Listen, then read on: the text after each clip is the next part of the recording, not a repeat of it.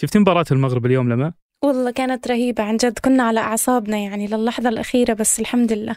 إي والله الحمد لله إنهم فازوا لأنهم الآن يعدون يعني أول منتخب عربي يوصلون للدوري الثمانية في كأس العالم.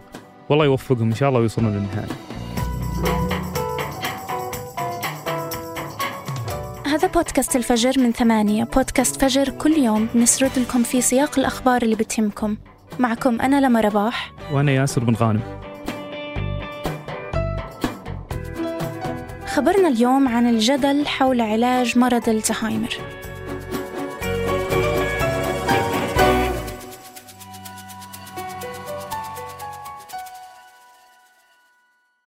قهوة الصباح وأجود محاصيل البن المختص تلاقيها في خطوة جمل. اعرف أقرب فرع لك من الرابط في وصف الحلقة.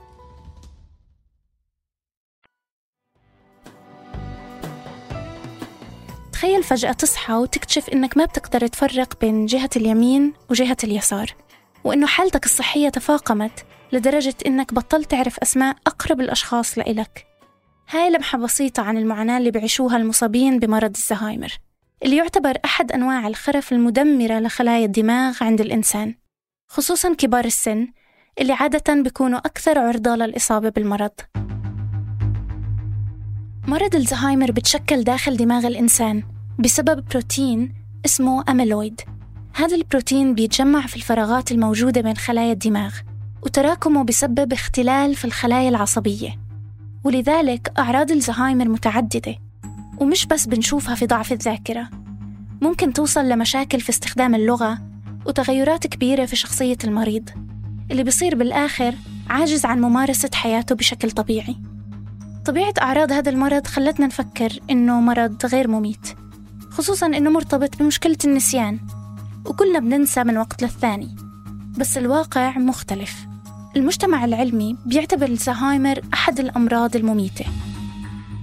في أمريكا مثلا هو يعتبر السبب الرابع للوفاة بعد أمراض القلب والسرطان والإحصاءات بتشير إلى أنه نسبة كبيرة من مرضى الزهايمر بيتوفوا بعد سبعة ل 11 سنة من تشخيصهم. هاي الأرقام اللي بتأكد لنا أنه الزهايمر من الأمراض الخطيرة بتترافق مع إحصاءات ثانية بتقول إنه كل ثلاث ثواني يصاب شخص بالخرف حول العالم. يعني وإنتوا تسمعوا بهاي الجملة صار في مصاب جديد انضاف للإحصائية. وفي بالسعودية أكثر من 130 ألف مصاب وهم جزء من 55 مليون مصاب بالمرض حول العالم.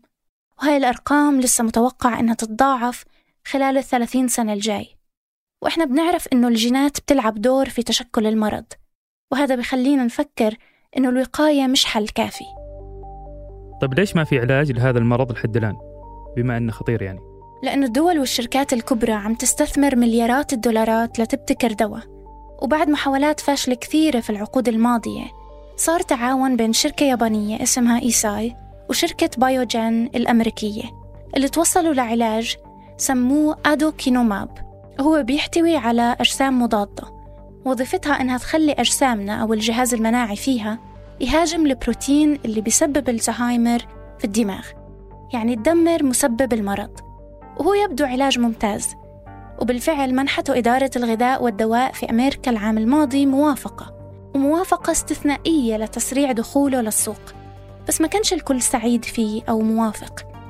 حتى إنه في لجنة استشارية خارجية أوصت برفضه لأنه في جزء منهم بيقول إنه هذا الدواء مش فعال في علاج الزهايمر خصوصا بعد تجارب أجريت عليه عام 2019 أظهرت إنه المرضى ما تحسنت حالتهم بعد استخدامه.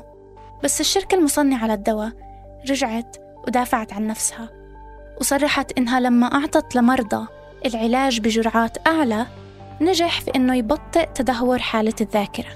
بكل الأحوال ورغم إنه مرت سنة تقريبا على السماح بالعلاج في أمريكا لسه في علماء بيحذروا من بعض الأعراض الجانبية أو يعني مش جانبية كثير لأنهم بيحذروا من احتمال تورم الدماغ أو حصول نزيف ممكن بسبب الدواء.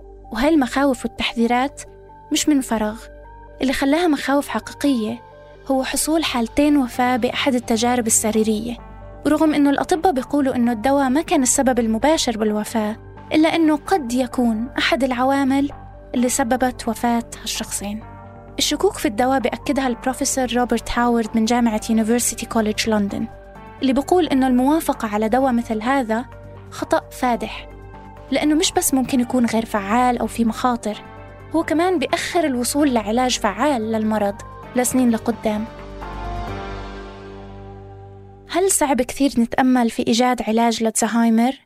لا لأنه كل الوقت بنشوف تطورات مهمة ممكن تساهم بحل المشكلة مثل توصل العلماء لتحليل جديد للدم بيكشف المرض قبل سنين من بداية ظهور أعراضه وهذا طبعا بيزيد فرص النجاة من المرض بشكل كبير. وبنفس الوقت ما بيمنع المحاولات المستمرة لإيجاد علاج فعال ومتوفر للجميع. وقبل ما ننهي الحلقة هذه أخبار على السريع. الخبر الأول توقع بنك أوف أمريكا أن سعر برميل النفط من نوع برنت بيوصل في عام 2023 إلى 110 دولار أمريكي. وسبب الارتفاع المتوقع حسب البنك هو السقف السعري اللي حدده الاتحاد الأوروبي على النفط الروسي واللي بيبدأ تنفيذه الأسبوع الجاي. وفي الخبر الثاني في هذا الأسبوع أعلنت دار الساقي اللبنانية عن إغلاق مكتبتها في لندن بعد 44 سنة كانت فيها ملتقى العرب المغتربين. سبب الإغلاق هو الزيادات الحادة في أسعار الكتب باللغة العربية ورسوم الشحن وأسعار الصرف.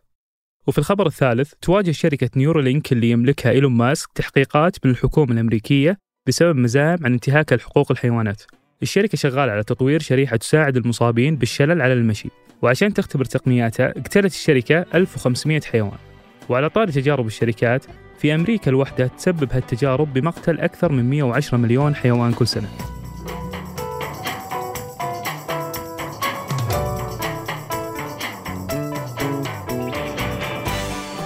أنتج هذه الحلقة عمر العمران وعبد العزيز الحبيل. وقدمتها أنا لما رباح. وأنا ياسر بن غانم. ورجعها تركي القحطاني. وحررها محمود أبو ندى. بنشوفكم بكرة الفجر.